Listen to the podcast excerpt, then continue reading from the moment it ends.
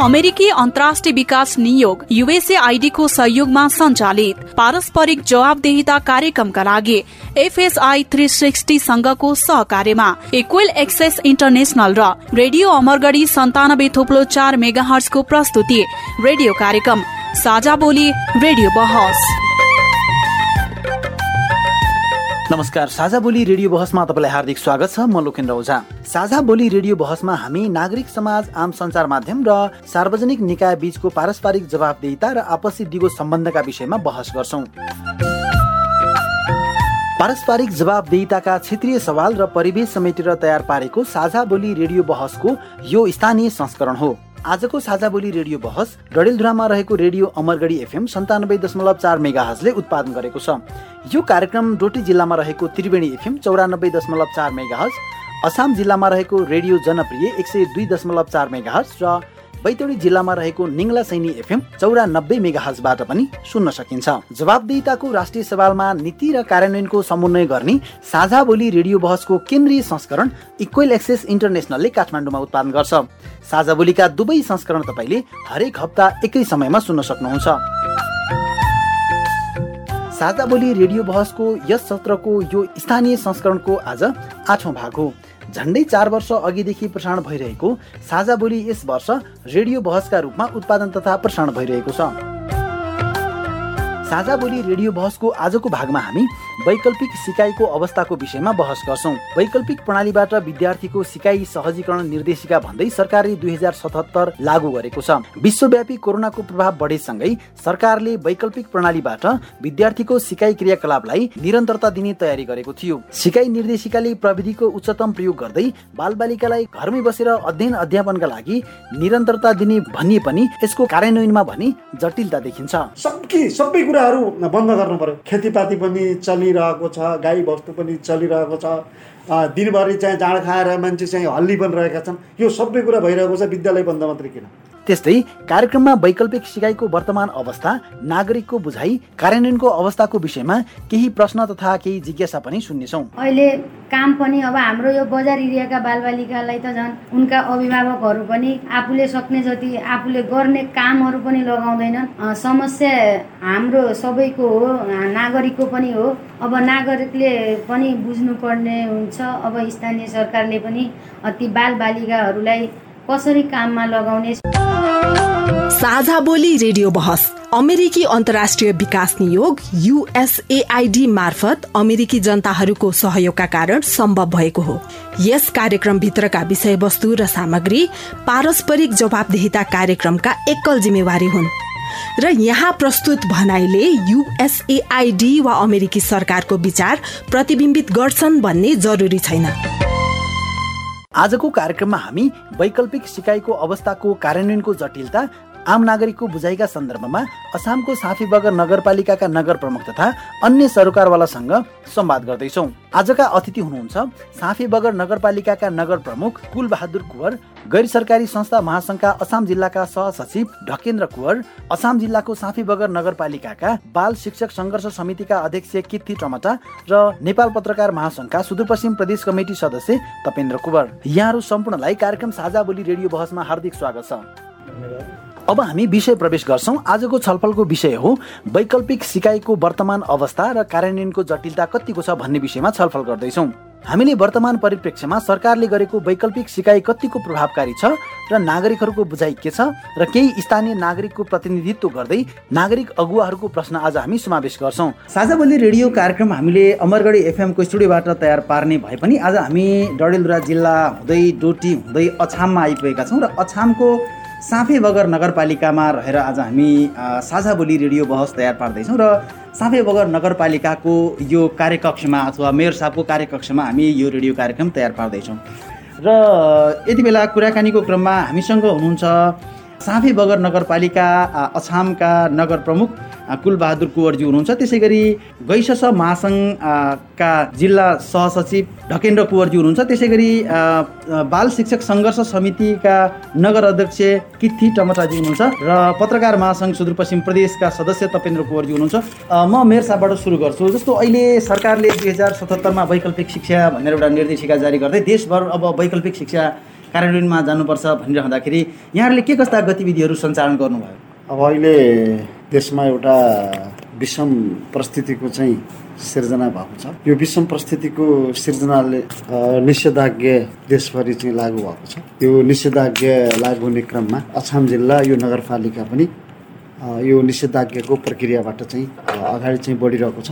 यो बिचमा हाम्रा सभा समारोहहरू र खास गरी विद्यालयहरू सञ्चालनमा आउन सकिरहेको छैन। विगत वर्षमा पनि कोभिडको हामी जुन प्रथम चरणमा थियौँ त्यसबाट शैक्षिक क्षेत्रलाई कसरी अगाडि बढाउन सकिन्छ भन्ने हिसाबले एउटा चाहिँ वैकल्पिक शिक्षणको लागि एउटा कार्यविधि चाहिँ निर्माण भएको छ। त्यो गत वर्ष निर्माण भएको कार्यविधिलाई पनि यो वर्ष र आगामी वर्षहरू पनि कार्यान्वयन गर्नुपर्ने खालको चाहिँ स्थितिको सिर्जना भएको छ। अब यो वैकल्पिक कार्यविधि त चाहिँ बन्यो तर सरकारले पनि केही कुराहरू चाहिँ समयमा गर्यो भने यो हाम्रो शिक्षण कार्यक्रमलाई अगाडि बढाउन चाहिँ सकिन्छ। अहिले सबभन्दा पहिला खोपको बारेमा सरकारले अलिकति प्रभावकारी ढङ्गले चाहिँ काम गर्न चाहिँ सकेन।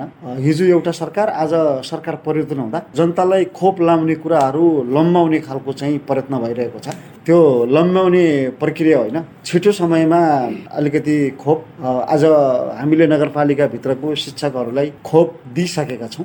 जसरी शिक्षकलाई दियौँ त्यसरी विद्यालयको अरू कर्मचारीलाई पनि दियौँ। त्यसै गरी विद्यार्थीलाई पनि दिन सक्ने खालको स्थिति सिर्जना भयो भने वैकल्पिक होइन हिजोकै अवस्था अनुसार शिक्षा दिनुपर्ने हुनसक्छ। त्यही भएर हाम्रो नगरसभाले पनि सरकारले चाँडो चाहिँ खोप दिनुपर्छ भन्ने खालको कुराहरू चाहिँ नगरसभामा प्रस्तावको रूपमा चाहिँ पारित गरेको छ। त्यसैले यो खोप चाहिँ ढिलो भएको हिसाबले पठन पाठन हामीले वैशाखमा सुरुमा नगर शिक्षा समितिको बैठक बसेर एक हप्तालाई मात्रै चाहिँ बन्द गरेका थियौँ। पछि जिल्लाको स्थिति जस्तो हुन्छ। निषेधाज्ञा अलिकति बढ्यो भने बढ्दै पनि जान सक्छ। यदि निषेधाज्ञा छुट्टिँदै गयो भने पठन पाठनको प्रक्रिया अगाडि बढ्न सक्छ भन्ने खालको कुरा हामीले गऱ्यौँ। तपेन्द्रजी जस्तो अब यहाँले फिल्ड रिपोर्टिङ गरिरहँदाखेरि सङ्घीय सरकारले बनाएको वैकल्पिक शिक्षाको एउटा कार्यान्वयन गर्दाखेरिको कार्य विधि अथवा निर्देशिका जुन थियो जस्तो भर्चुअल विधिबाट धेरै ठाउँमा पनि पठन पाठन गरिएकै छ अथवा त्यसलाई पनि कतिपयले प्रभावकारी भनेकै छ। तर हाम्रो मफसलका मिडियाले रिपोर्टिङ गर्दाखेरि जुन वैकल्पिक शिक्षाको छ त्यो स्थानीय सरकारले कसरी कार्यान्वयन गरिरहेका छ? आम नागरिकले बुझेका छन् कि छैनन्? कस्तो पाउनु अब खास गरी वैकल्पिक शिक्षा कुराकानी गर्दाखेरि यहाँका असमका स्थानीय तहका कुराकानी गर्दाखेरि विद्यालयले आफ्नै प्र्याक्टिस गरिरहेका छन्। जस्तो गत वर्ष मेल्ले गाउँपालिकाको एउटा विद्यालयले टोलटोलमा गएर शिक्षण सिकाइ सुरुवात गरेको थियो। त्यसै गरी यो वर्ष पनि अब अलिकति फेरि बिचमा भर्नाका कुरा भए स्कुल सञ्चालन हुन्छ कि भन्ने कुरा भइरहेको अवस्थामा एक्कासी फेरि अझै बढिरहेको अवस्था छ। त्यो कारणले गर्दाखेरि जस्तो हाम्रो साफेबग नगरपालिकाको एउटा प्रभात धमकोट माविले पनि टोल टोलमा गएर विद्यार्थी त्यसै गरी अभिभावकलाई जम्मा गरेर पनि त्यसरी पनि सुरुवात गरेको छ अहिले। त्यहाँ जारी रहेको छ। विद्यार्थीलाई गृह कार्य दिने।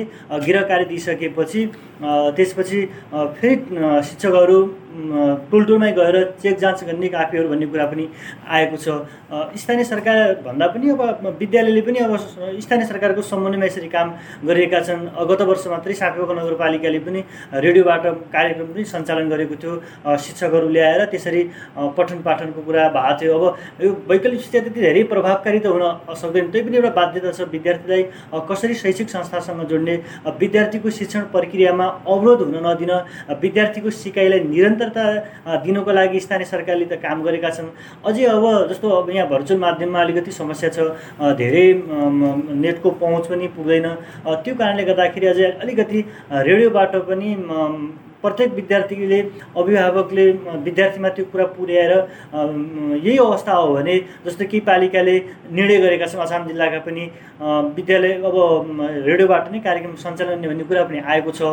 त्यसै कारणले गर्दाखेरि कसरी गर्न सकिन्छ यो कुरालाई स्थानीय तहले अलिकति ध्यान दिएको भएखेरि यो पनि प्रभावकारी हुन्छ जस्तो लाग्छ। के प्र्याक्टिस गरेका छ अझै गर्न आवश्यक छ? जस्तो रेडियोमै जुन दूर शिक्षाको माध्यमबाट अथवा रेडियो कार्यक्रम भनेर शिक्षामा चलायो भने त्यसले वैकल्पिक शिक्षाको प्रभावकारिता हुनसक्छ कि सक्दैन?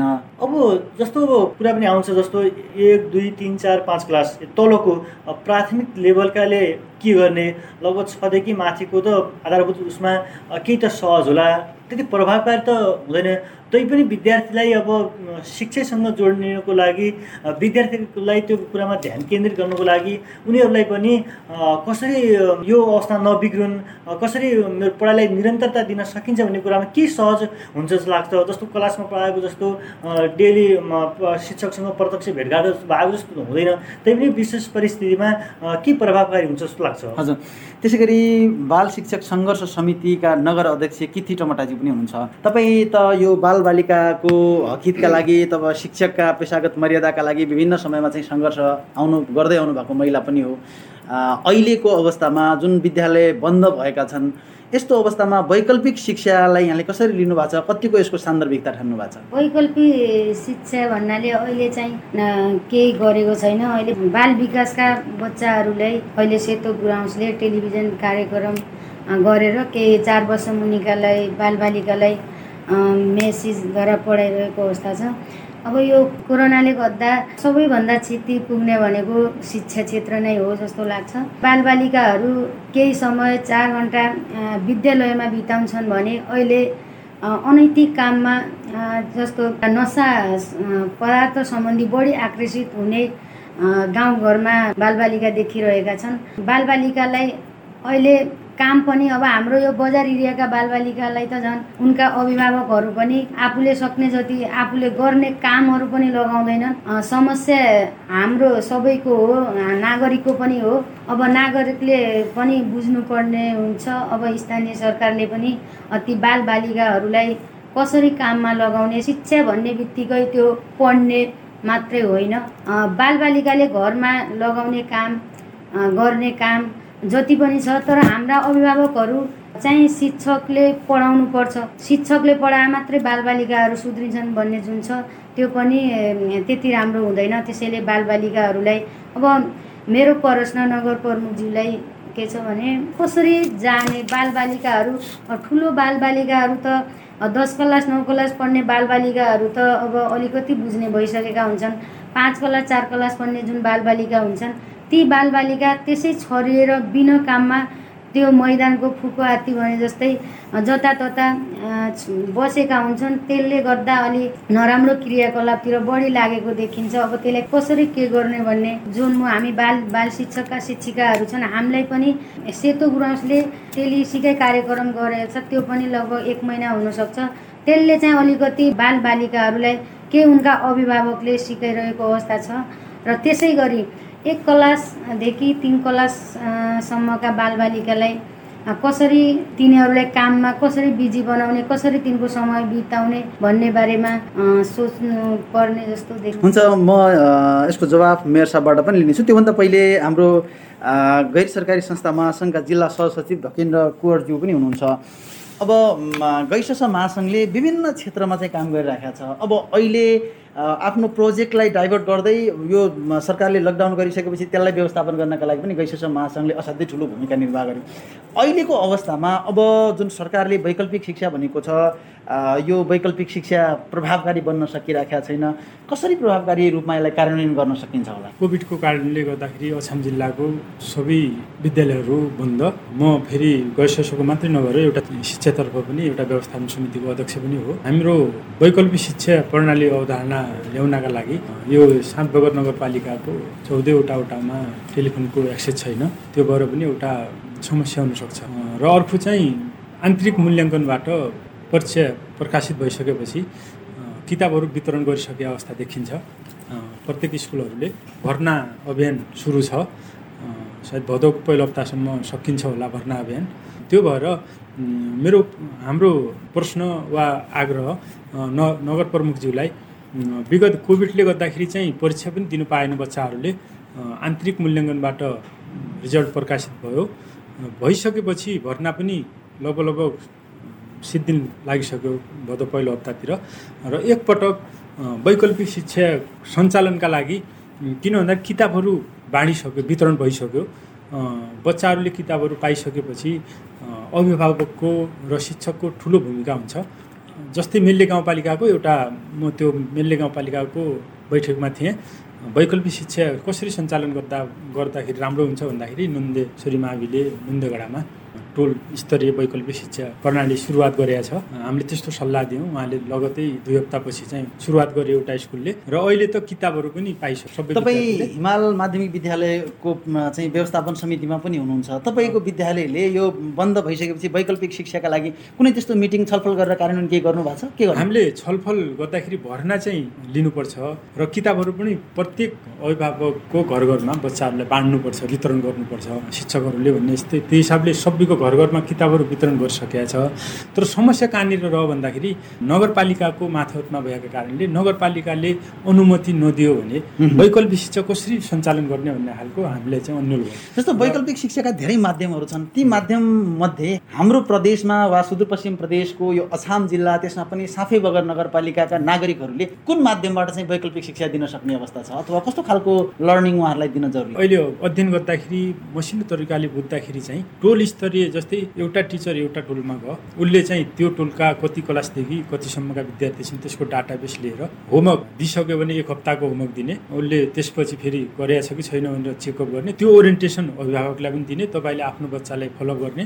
कसरी त्यसले पढ्छ किताबहरू वितरण गरिसकेका छ त्यो चाहिँ गर्यो भने अझै प्रभावकारी हुन्छ भनेको। वैकल्पिक शिक्षाको एउटा निर्विकल्प माध्यम भनेकै टोल शिक्षा हुनसक्छ टोल- शिक्षा नै हो।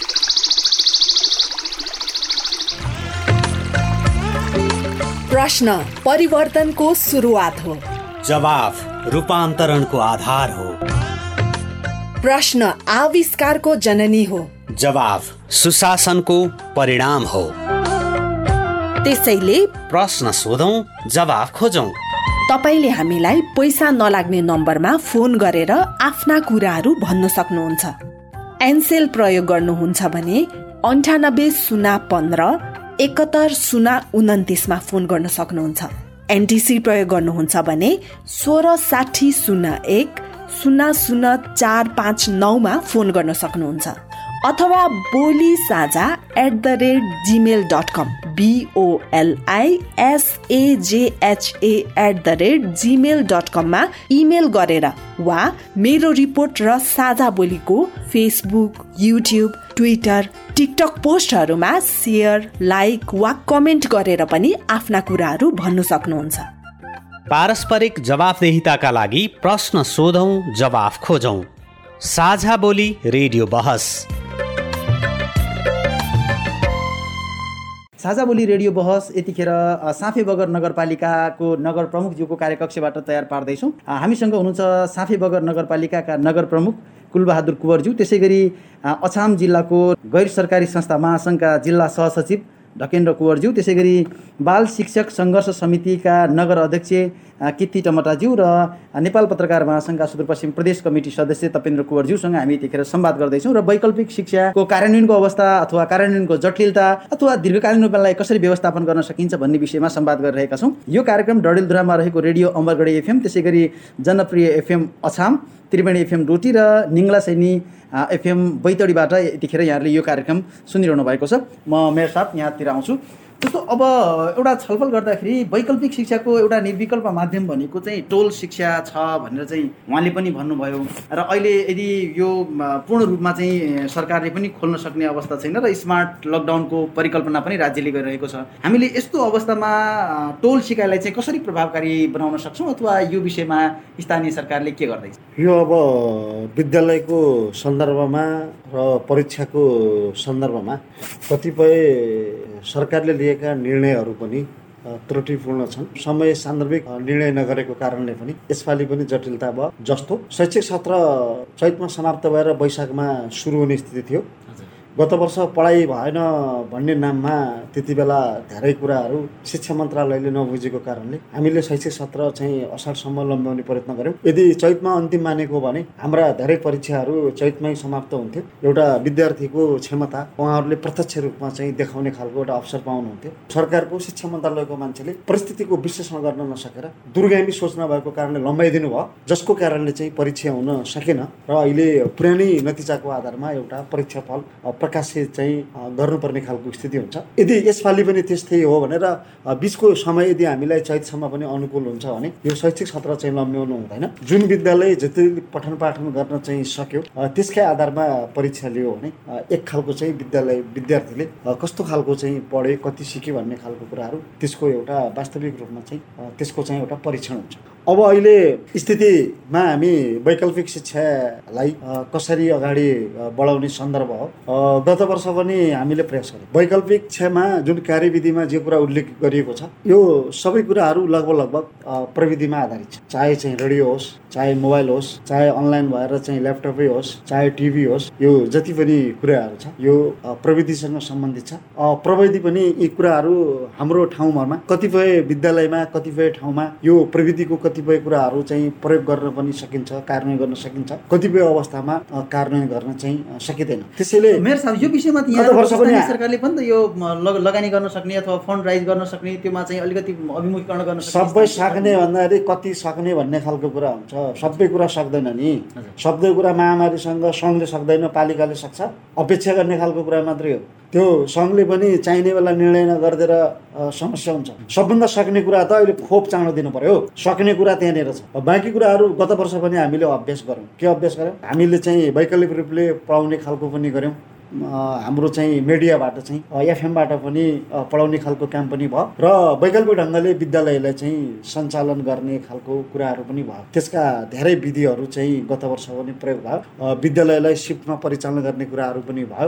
विद्यालयलाई चाहिँ अल्टरनेटिभ रूपमा चाहिँ विद्यार्थीहरूलाई बोलाउने खालको कुरा पनि भयो। तर अहिले पनि के भयो भने बिचको हाम्रो वैशाखबाट जुन शैक्षिक सत्र सुरु भयो अहिले बिचमा वैशाख जेठ असाढमा पढाइ भएन भन्ने कुरा हो। यो अहिले त फेरि हाम्रो चाहिँ बिदाको समय पनि हो। अब साउन अलिकति सकिन पनि दिन्छौँ। अलिकति भदौसम्ममा आइपुग्दा पनि त्यसपछि कोभिडको स्थिति पनि के हुन्छ र यो बारेमा चाहिँ फेरि चाहिँ हामी वैकल्पिक शिक्षा कसरी सञ्चालन गर्ने भन्ने खालको छलफल गर्न सक्छौँ। धेरै गाह्रो पनि छैन। सजिलो के छ भने विद्यार्थी सङ्ख्या धेरै भएको विद्यार्थीमा अलिकति भिडभाड भएर सङ्क्रमणको अलिकति जोखिम हुने खालको कुरा हुन्छ। सबैमा त्यो छैन। हामीले यसमा गत वर्षदेखि धेरै अभ्यास गरिसक्यौँ अहिले अहिले नगरपालिकाभित्र कोभिड पोजिटिभको सङ्ख्या कति छ? के छ अवस्था? अहिले त अब त्यति धेरै चाहिँ अलिकति थोर थोरै पनि चेक भइरहेछ। अनि हिजो मात्रै दुईजना चाहिँ पोजिटिभ देखिनु भएको छ। एघारजनाको चेकअपमा दुईजना देखिनु भएको छ। त्यसैले यो सङ्ख्या धेरै त चाहिँ छैन। यो कतिपय चेकअप पनि चाहिँ धेरै भइरहेको छैन। चेकअपको प्रक्रियालाई हामीले चाहिँ नियमित चाहिँ गरेका छौँ। हस्पिटलमा अहिले पनि हामीले चाहिँ गरेका छौँ। तर अब जनताको पनि स्वाब सङ्कलन गरेर यदि पोजिटिभ देखियो भने फेरि छुट्टै आइसोलेसनमा बस्नुपर्छ भनेर जनता पनि दुई चार दिन चाहिँ ज्वरो आउँदा रुगा आउँदा त्यही ढङ्गको सामान्य उपचार गरेर घरमै बस्ने खालको चाहिँ स्थिति छ। तर हस्पिटलमा अहिले पनि ज्वरोको बिरामीहरू रुगा खोकीको बिरामी हिजो मात्रै बैलबाट चाहिँ म अस्पतालमा गएको थिएँ। त्यो विगतभन्दा बिरामीको सङ्ख्या अत्याधिक रूपमा चाहिँ बढेर गएको छ। त्यसैले मैले यो विद्यार्थी सङ्ख्याको आधारमा वैकल्पिक रूपमा चलाउने भन्दा पनि नियमित ढङ्गले पनि अलिकति सावधानी अप्नाएर पनि चलाउन केही गाह्रो छैन।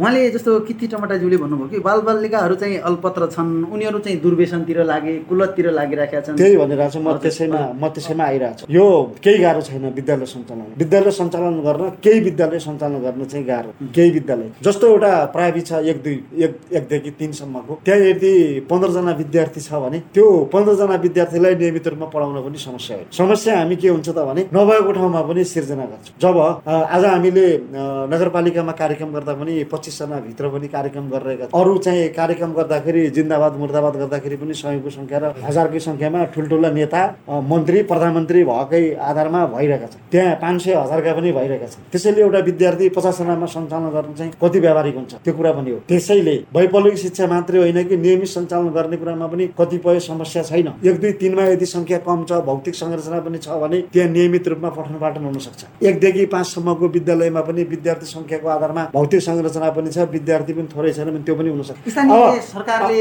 अथवा स्थानीय प्रशासनले अनुमति दिएर काम गर्न मिल्छ कि मिल्दैन होइन म त्यतापट्टि चाहिँ भनिरहेको छु म भनिरहेको छु जिल्ला प्रशासन कार्यालय जिल्ला प्रशासन छैन नगर शिक्षा समितिले पनि निर्णय गर्न सक्छ। त्यसैले त आवश्यकताको कुरा गरेर चाहिँ गर्ने खालको चाहिँ विषय हो। त्यसैले छदेखि दस र अरू चाहिँ टेन प्लस टू भएको जहाँ अलिकति विद्यार्थी सङ्ख्या बढी छ समस्या यहाँनिर छ। यहाँनिर समस्या भएपछि यसको व्यवस्थापन कसरी गर्ने भन्ने खालको कुराहरू चाहिँ अब यहाँ वैकल्पिक ढङ्गले या प्रविधिको विकास हुनसक्छ। या अलिकति थोरै भए पनि दिन बिराएर चाहिँ पढाउने खालको कुरा हुन्छ। अथवा विद्यार्थी आधा आधा विद्यार्थीलाई बोलाएर सिफ्टमा बिहान बेलुका पढाउने पनि हुनसक्छ। वा अलिकति सम्भव भयो भने चाहिँ मिडियाबाट पनि पढाउने खालको कुरा हुनसक्छ। यो के हुन्छ त भने यसलाई अब कसरी ढङ्गले गर्ने गत वर्ष पनि हामीले त्यही गरेका थियौँ। विद्यालयसँग एउटा कार्ययोजना मागेका थियौँ। यो वैकल्पिक रूपले शिक्षा गर्ने कुरामा सम्बन्धित विद्यालयको अभिभावक भेला बसेर विद्यालय व्यवस्थापन समितिको निर्णय गरेर कार्ययोजना माग गरेका थियौँ। अब बिस्तारै अहिले वर्षादै सकिएको चाहिँ छैन। यद्यपि बिचमा पढाइ चाहिँ अलि अवरुद्ध त भयो। त्यसैले नगर शिक्षा मार्फत फेरि हामी चाहिँ कार्ययोजना चाहिँ माग्छौँ विद्यालयलाई। त्यो कार्ययोजना मागेर एक विद्यालय एक ढङ्गले सञ्चालन भयो भने अर्को विद्यालय अर्को ढङ्गले सञ्चालन हुनसक्छ आखिर यो टोल शिक्षा पनि मान्छेहरू जम्मा गर्ने खालको कुरा हो। अब टोल शिक्षामा टोलमा सञ्चालन गर्दा सार्वजनिक ठाउँमा सञ्चालन गर्ने हो। त्यहाँ बेन्ची लगायतको अरू कोही व्यवस्था पनि हुँदैन। योभन्दा त बरु हप्तामा बरु चाहिँ कति दिन हुन्छ? थोरै विद्यार्थीलाई बोलाएर अब शिक्षकहरूलाई चाहिँ भ्याक्सिन दिइसकेको छ। थोरै विद्यालयलाई बोलाएर एउटा विद्यार्थीहरूलाई हप्तामा बरु एक दिन मात्रै बोलाएर एक हप्तामा थोरै दस बाह्रजना मात्रै विद्यार्थीहरूलाई बोलाएर त्यसरी पनि गर्न सकिन्छ। त्यसरी मूलभूत रूपमा अहिले वर्षात पनि अलिकति सकिनुपर्छ। कोभिडको स्थिति पनि हामीले हेरिरहेका छौँ। यो दुइटै कुराको अध्ययन गरेर र त्यसपछि नगर शिक्षा समितिको बैठक पनि बसेर विद्यालयहरूलाई कार्ययोजना चाहिँ माग गरेर त्यो कार्ययोजनाको आधारमा विद्यालयले पनि छलफल गरेर यो वैकल्पिक शिक्षालाई चाहिँ अगाडि बढाउन चाहिँ सकिन्छ। तपाईँ जस्तो मेयर साहबले दुई तिनवटा विकल्प भन्नुभयो। एउटा चाहिँ टोल सिकाइलाई नै व्यवस्थापन गर्न सकिने कुरा। अर्को कुरा टिचरहरूले भ्याक्सिन लगाइसकेको अवस्था र अलिअलि भएर विद्यार्थीहरूलाई पनि पठन पाठनतिर अब जान सकिन्छ भन्ने कुरा। र अर्को विद्यालयहरूबाट आएको चाहिँ एउटा चाहिँ अनुभव छ। त्यो अनुभव सेयरिङ गरिसकेपछि एउटा नयाँ कार्ययोजना बनाएर चाहिँ काम गर्न सकिने अवस्था छ भन्ने खालको विकल्प दिनुभयो। कतिको सान्दर्भिक होला यसरी अगाडि? अब जस्तो हामीले बालबालिकालाई फुप लगाएका छैनौँ तर बालबालिका त्यति जोखिममा छैन भन्ने सरकारले त्यो भनिरहेको छ। हामी माथिल्लो उमेर समूहका अहिले पचास वर्षसम्म पैँतालिस वर्षसम्म पनि आएको छ।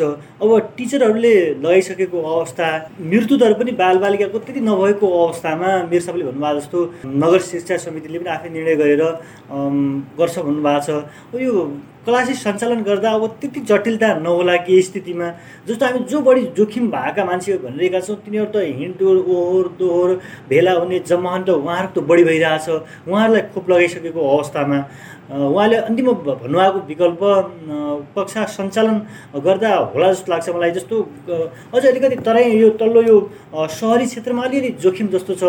ग्रामीण क्षेत्रमा लगभग अलिकति अब मान्छेको ओहोरदोहोर पनि अलिकति कम भएको हुनाले जोखिम छन् त छ पनि अलिकति कम जोखिम भएको कारणले गर्दाखेरि अब यो बर्खा सकिसकेपछि स्थिति कस्तो हुन्छ अझै पनि छ फेरि खोप पनि धमाधम लगाउने प्रक्रिया भइरहेछ।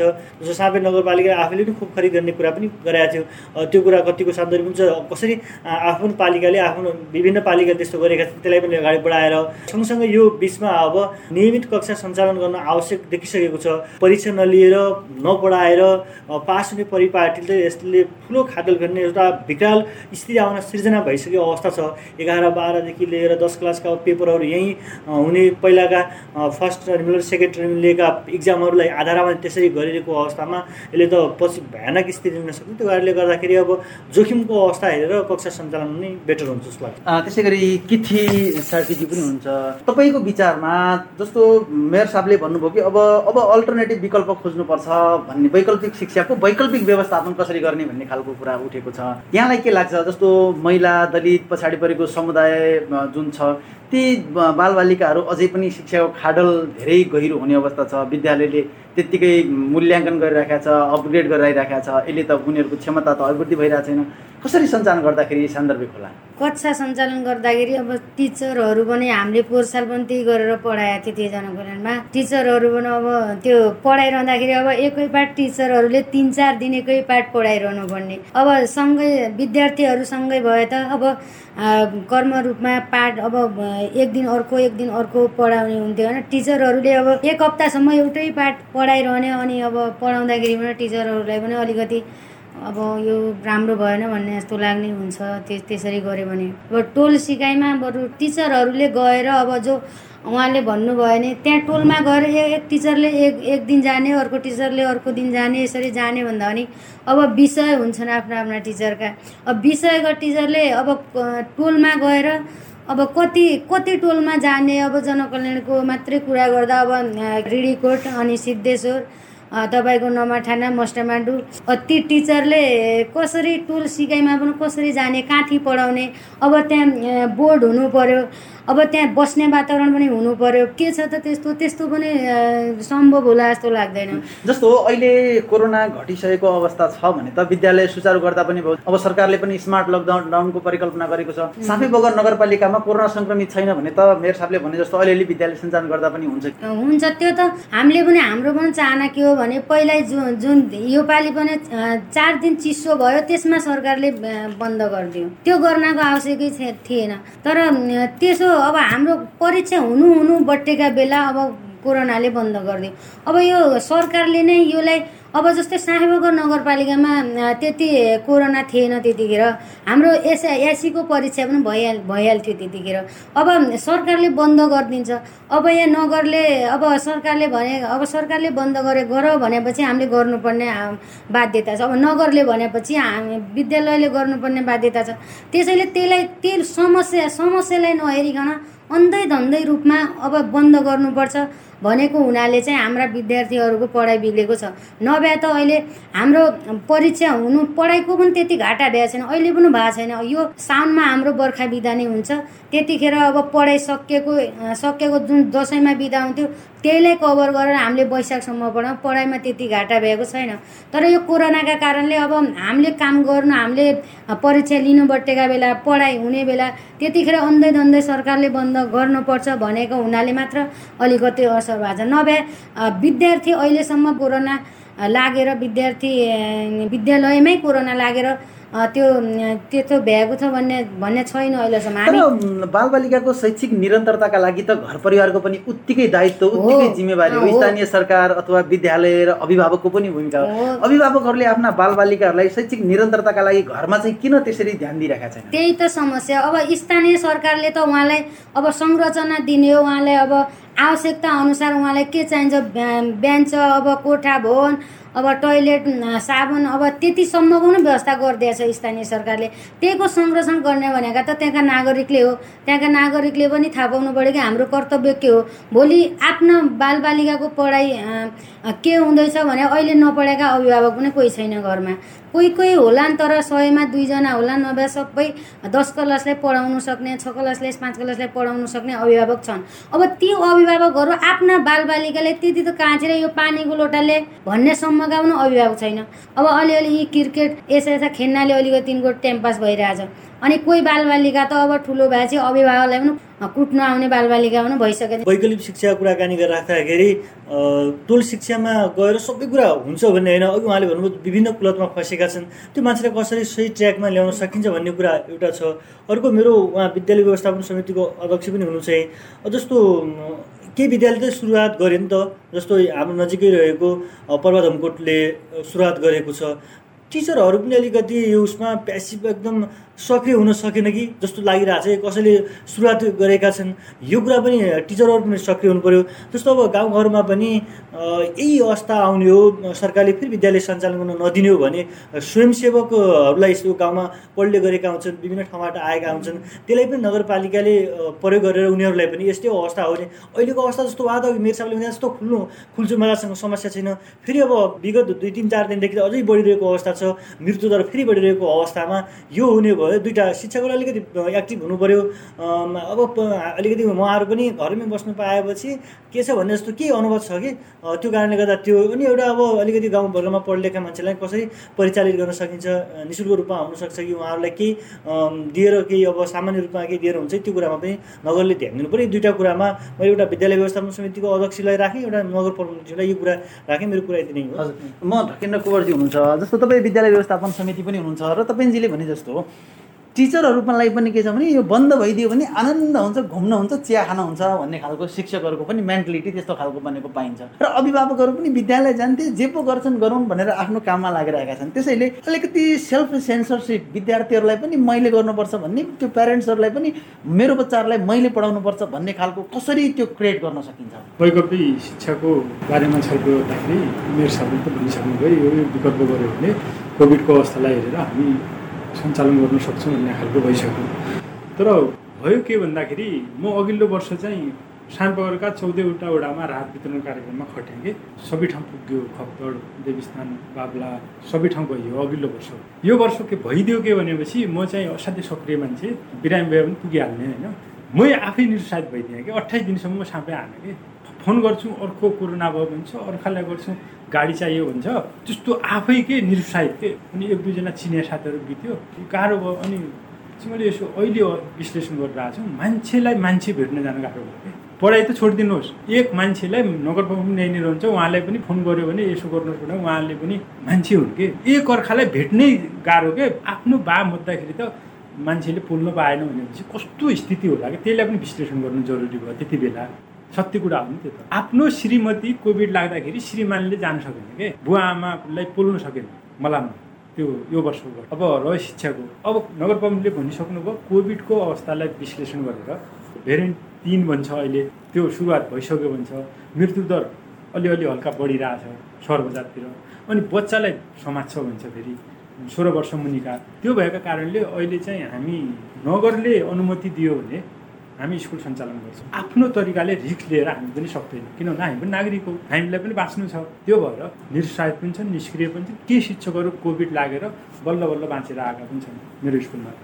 त्यो भएर अब कोभिडलाई विश्लेषण गरेर मात्रै स्कुल सञ्चालन गर्नुपर्छ जस्तो लाग्छ। बजारमा लागु औषध दुर्व्यसनी सम्बन्धी युवाहरू म्याक्सिमम् छन् मेडिकलमा ट्याब्लेट खाने।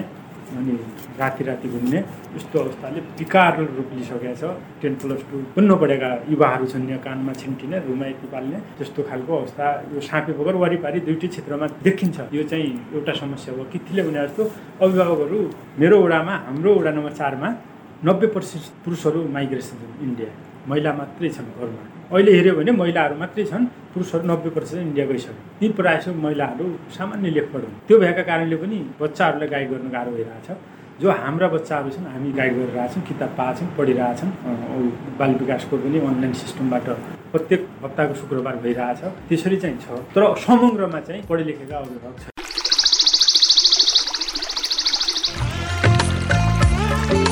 प्रश्न परिवर्तनको सुरुवात हो। जवाफ। रूपान्तरणको आधार हो। प्रश्न आविष्कारको जननी हो। जवाफ सुशासनको परिणाम हो। त्यसैले प्रश्न सोधौं जवाफ खोजौं। तपाईँले हामीलाई पैसा नलाग्ने नम्बरमा फोन गरेर आफ्ना कुराहरू भन्न सक्नुहुन्छ। एनसेल प्रयोग गर्नुहुन्छ भने अन्ठानब्बे शून्य पन्ध्र एकहत्तर शून्य उन्तिसमा फोन गर्न सक्नुहुन्छ। एनटिसी प्रयोग गर्नुहुन्छ भने सोह्र साठी शून्य एक शून्य शून्य चार पाँच नौमा फोन गर्न सक्नुहुन्छ। अथवा Boli Sajha at the rate Gmail dot com BOLI SAJHA at the rate Gmail dot कममा इमेल गरेर वा मेरो रिपोर्ट र साझा बोलीको फेसबुक युट्युब ट्विटर टिकटक पोस्टहरूमा सेयर लाइक वा कमेन्ट गरेर पनि आफ्ना कुराहरू भन्नु सक्नुहुन्छ। पारस्परिक जवाफदेहिताका लागि प्रश्न सोधौं जवाफ खोजौं। साझा बोली रेडियो बहस। यतिखेर तपाईँ सुन्दै हुनुहुन्छ साझा बोली रेडियो बहसमा छौँ। साझा बोली रेडियो बहस हामीले साफे बगर नगरपालिकामा तयार पार्दैछौँ। साफे बगर नगरपालिकाका नगर प्रमुख कुलबहादुर कुवरज्यू हामीसँग हुनुहुन्छ। त्यसै गरी बाल शिक्षक सङ्घर्ष समितिका नगर अध्यक्ष किर्ति टमटाज्यू हुनुहुन्छ। त्यसै गरी गैसस महासङ्घका असाम जिल्लाका सहसचिव ढकेन्द्र कुवरजी हुनुहुन्छ भने नेपाल पत्रकार महासङ्घका सुदूरपश्चिम प्रदेश कमिटी सदस्य तपेन्द्र कुवरजी हुनुहुन्छ। हामी अब यो कार्यक्रमको निकै अन्ततिर छौँ र यो कार्यक्रमको अब निष्कर्षमा पुगौँ। मेयर साहब जस्तो अब यहाँले नै भनेका वैकल्पिक माध्यमहरू वैकल्पिक शिक्षाका यो यो चिजहरू हामीले गर्न सक्छौँ भनेर जुन यहाँले भन्नुभयो ती भनेका विकल्पहरूको कङ्क्रिट निर्णय चाहिँ हामी कहिलेसम्म गर्न सक्छौँ कसरी अगाडि बढ्न सक्छौँ? अहिले हामीले विद्यालय जुन बन्द छ यसको अलिकति बढी विश्लेषण मात्रै गरेका छौँ। विद्यालय बन्द छ तर सबै चिज खुल्ला छ। सबै चिज खुल्ला गरेर पनि धेरै मान्छे हामी मरिरहेका छैनौँ र धेरै मान्छे सङ्क्रमित भएका पनि छैनौँ। यो वास्तविकता हो। अब यो वास्तविकता के हो भने अब विद्यालय बन्द छ उनी विद्यालयहरू खेल खेलिरहेका छन्। ठिकै छ। खोलामा माछा मारिरहेका छन् जङ्गलमा शिकार खेलिरहेका छन् बजार घुमिरहेका छन् चाडपर्व मनाइरहेका छन्। बजारमा किनमेल गरिरहेका छन्। यो सबै कुरा चाहिँ गरिरहेका छौँ। तर अब यो विद्यालय चाहिँ खोल्नु पर्यो भनेपछि हामी आफै बढी नै सतर्क हुने धेरै प्रश्न गर्ने भएर समस्या हो। सबै कुरा चाहिँ चलिरहेको छ अहिले। यो चल्दा पनि हामी धेरै मान्छे बाँचि नै रहेका छौँ भने।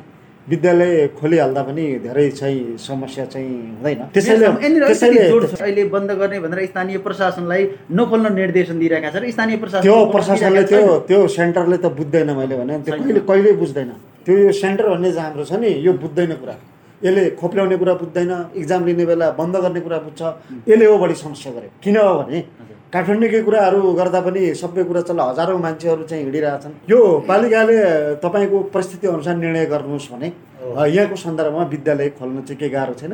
परिस्थिति अलिकति गाह्रो भयो भने फेरि चाहिँ विद्यालय चाहिँ खोल्छौँ। विद्यालय खोल्नुको मतलब हिजोकै अवस्थामा विद्यालय सञ्चालन हुन सक्दैन। हिजोको अवस्थामा पनि अलिकति वैकल्पिक ढङ्गले चाहिँ सञ्चालन हुन्छ। मैले अघि भने सङ्ख्याको आधारमा भने प्रावि पन्ध्रजना विद्यार्थी भएको प्राविलाई सञ्चालन गर्न गाह्रो के छ त? दुईवटा कुकुरहरू चाहिँ अहिले लड्यो भने त्यहाँ तिसजना मान्छे त झ्याप्पै जम्मा भइहाल्छन्। त्यो जम्मा भएको आधारमा मर्नु तिनीहरू सबै मर्नु पर्थ्यो। छिमेकमा दुईजना मान्छेको झगडा हुने बित्तिकै त पचासजना मान्छे आउँछन्। अब मर्ने भएपछि तिनीहरू पनि मरिहाल्थे। मलाममा जाँदाखेरि हामी चार पाँच सयजना मान्छेहरू सँगै मलाम जान्छौँ। त्यहाँ पनि हामी सबैको भुटीकुटी भइहाल्थ्यो। यो भइरहेको छैन। अनि विद्यालय सञ्चालन गर्ने कुरामा मात्रै धेरै प्रश्न किन? धेरै यो केन्द्रले मात्रै किन निर्णय चाहिँ थोपार्ने यो सङ्घीयताको चाहिँ विपरीत भइरहेको छ। धेरै कुरामा चाहिँ यो निरङ्कुश प्रवृत्ति भएको छ हाम्रो असहमति छ। त्यसैले सबै कुरा उहाँहरूले गर्ने चाहिँ होइन। संहिताको भावना अनुसार सक्नुहुन्छ भनेपछि खोल्ने खालको परिपाटी गर्नुपर्छ। यो जिल्ला प्रशासन लगायतको उहाँहरूले पनि चाहिँ रोक्नु हुँदैन। पालिका पालिका अनुसार फरक हुन्छ र पालिकाले पनि विद्यालय विद्यालय अनुसार चाहिँ फरक हुन्छ। त्यसैले यो सबकी सबै कुराहरू बन्द गर्नु पर्यो। खेतीपाती पनि चलिरहेको छ गाई बस्तु पनि चलिरहेको छ। दिनभरि चाहिँ जाँड खाएर मान्छे चाहिँ हल्ली पनि रहेका छन्। यो सबै कुरा भइरहेको छ विद्यालय बन्द मात्रै किन? अनि यो विद्यालय मात्र पनि बन्द गर भनेर निर्देशन किन? यो निर्देशन र यिनी कुराहरू बाधक हुन्। होइन भने विद्यालयलाई अलिकति वैकल्पिक ढङ्गले अलि अलि त सोचेर जस्तो टोल शिक्षा भनेको त अन्तिम हो। त्यो अन्तिम किन हो त भने विद्यालय बन्द छ। विद्यार्थी र शिक्षकहरूको पनि चाहिँ सम्बन्ध टुट्यो। शिक्षकहरूलाई म शिक्षक पनि हुँ भन्ने कुरा पनि बिर्सने स्थिति भयो। विद्यार्थीलाई पनि हामी विद्यार्थी भन्ने बिर्सने कुरा भयो। त्यति बेला एउटा टोलकोमा गइदिएर टिचरले पनि हामी जिन्दै छौँ है विद्यार्थी पनि जिन्दै छन् भन्ने खालको भेटघाट हुने। ल बाबुहरू पढ भन्ने होमवर्क दिएर जाने। यो अन्तिम विकल्प हो। त्यो अन्तिम विकल्पमा जानुपर्ने छैन। यहाँ अलिकति विद्यालय पनि अलिकति वैकल्पिक ढङ्गले सञ्चालन गर्न सकिन्छ। त्यसैले यो कोभिड पनि हेर्ने र वर्षात पनि हेर्ने भएर विद्यालय सञ्चालन गर्नुपर्छ। हजुर मेरो साथ अन्तमा अब यहाँले चाहिँ विकल्प कस्तो खालको बनाउनुहुन्छ त? रणनीति शैक्षिक निरन्तरताका लागि के हुन्छ? बैठक बस्छौँ कार्ययोजना माग्छौँ कार्ययोजना पनि हेर्छौँ। विद्यालय सञ्चालन गर्ने कसरी भन्नुभएको छ? त्यो कार्ययोजनामा आधारित भएर अनि त्यसपछि निर्णय गर्छौँ। हस् हुन्छ। समय र समाजका लागि यहाँलाई धेरै धेरै धन्यवाद छ हुन्छ हामीले साँफे बगर नगरपालिकामा रहेर यो रेडियो कार्यक्रम तयार पारेका छौँ र आजको कार्यक्रममा हामीसँग अतिथि हुनुहुन्थ्यो साँफे बगर नगरपालिकाका नगर प्रमुख कुलबहादुर कुँवरज्यू त्यसै गरी बाल शिक्षक सङ्घर्ष समितिका नगर अध्यक्ष किर्ति टमटाज्यू त्यसै गरी गैसोस महासङ्घका आ, असाम जिल्लाका सहसचिव ढकेन्द्र कुँवरज्यू र त्यसै गरी नेपाल पत्रकार महासङ्घका सुदूरपश्चिम प्रदेश कमिटीका सदस्य तपेन्द्र कुँवरज्यूसँग आज हामीले साझा बोली रेडियो बहस तयार पारेका छौँ र वैकल्पिक रूपमा शिक्षालाई निरन्तरता दिनका लागि एउटा विद्यालय स्तरको छलफल सञ्चालन गरिसकेपछि विद्यालयलाई पूर्ण रूपमा खोल्नुपर्छ भन्नेमा हामी सहमत भएका छौँ। साझा बोली रेडियो बहसको अन्तमा हामी आइपुगेका छौँ। साझा बोली रेडियो बहसबारे मनका कुरा भन्नका लागि एनटिसीको मोबाइल वा ल्यान्डलाइन प्रयोग गर्नुहुन्छ भने सोह्र साठी शून्य एक शून्य शून्य चार पाँच नौमा फोन गर्न सक्नुहुन्छ। एनसेल प्रयोग गर्नुहुन्छ भने अन्ठानब्बे शून्य पन्ध्र एकहत्तर शून्य उनातिसमा फोन गर्नुहोला। यी नम्बरमा फोन गरेको पैसा लाग्दैन र प्राप्त निर्देशन अनुसार प्रश्न सोध्न सकिन्छ। पारस्परिक जवाबदेहिता बारे आफूले देखे सुने या भोगेका कुनै कुरा लेख मार्फत व्यक्त गर्न चाहनुहुन्छ वा अरूका लेखहरू पढ्न चाहनुहुन्छ भने W W W dot MERO REPORT dot एनइटीमा पनि लगइन गर्न सक्नुहुन्छ। साझा बोली रेडियो बहस तपाईँले मेरो रिपोर्ट वेबसाइट पोडकास्ट च्यानल सामाजिक सञ्जाल तथा अमरगढी अनलाइन टिभीबाट पनि सुन्न सक्नुहुन्छ। हवस् त आजको साझा बोली रेडियो बहसबाट अब बिदा हुने बेला भइसकेको छ। आजको संवादमा हामीले कोरोनाको प्रभावको अवस्था अनुसार विद्यालयलाई सञ्चालन गर्नुपर्ने विषयमा सहमत भएका छौँ। आजका हाम्रा अतिथि हुनुहुन्थ्यो साफी बगर नगरपालिकाका नगर प्रमुख कुलबहादुर कुवर गैर सरकारी संस्था महासङ्घ अछामका सहसचिव ढकेन्द्र कुवर अछामको साफी बगर नगरपालिकाका बाल शिक्षक सङ्घर्ष समितिका अध्यक्ष किथी टमटा र नेपाल पत्रकार महासङ्घ सुदूरपश्चिम प्रदेश कमिटिका सदस्य तपेन्द्र कुवर। आजको कार्यक्रममा आउँदो दिनहरूमा वैकल्पिक सिकाइलाई निरन्तरता दिने विषयमा आजका अतिथिज्यूहरूले प्रतिबद्धता व्यक्त गर्नु भएको छ। आशा छ यी प्रतिबद्धताहरू कार्यान्वयन हुनेछन्। यतिन्जेलसम्म ध्यान दिएर कार्यक्रम सुन्नु भएकोमा तपाईँलाई धेरै धेरै धन्यवाद। आगामी हप्ता पनि आजको जस्तै समसामयिक सार्वजनिक जवाफदेहिताको अर्को विषयमा खरो छलफल गर्न आउने नै छौँ। सुन्न नबिर्सनु होला प्रविधिबाट साथ दिनुभयो प्राविधिक साथी तर्कराज भट्टसँगै म कार्यक्रम प्रस्तुता लोकेन्द्र ओझा पनि साझा बोली रेडियो बहसबाट आज्ञा चाहन्छु। हवस् त नमस्कार।